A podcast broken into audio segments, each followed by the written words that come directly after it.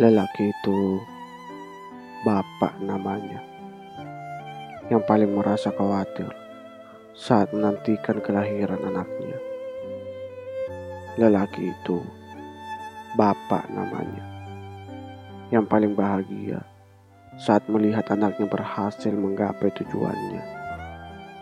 Lelaki itu bapak namanya yang paling bersedih saat mengetahui hal buruk tengah menimpa anaknya. Lelaki itu bapak namanya yang diam-diam selalu menanyakan segala hal tentang anaknya pada ibu. Lelaki itu bapak namanya yang paling sibuk saat menjelang pernikahan anaknya, meski akhirnya paling dilupakan setelahnya. Lelaki itu bapak namanya, yang paling menangis saat menyaksikan anaknya mengucapkan akad nikah, sebab merasa sangat bersalah karena merasa belum mampu memberikan apa-apa.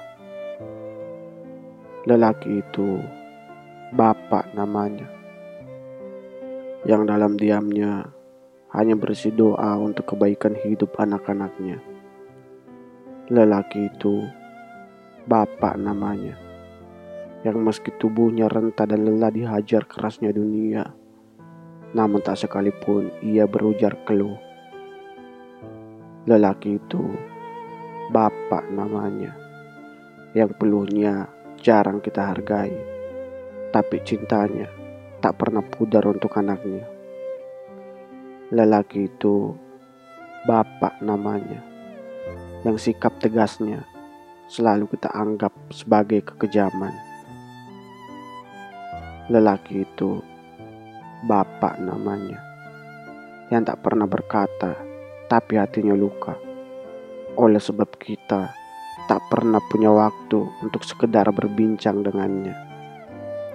Lelaki itu bapak namanya yang kerap berucap maafkanlah bapakmu nak jikalau ada yang kurang dariku. Lelaki itu bapak namanya yang diamnya doa, keringatnya doa, lelahnya doa, bahkan kematiannya adalah doa.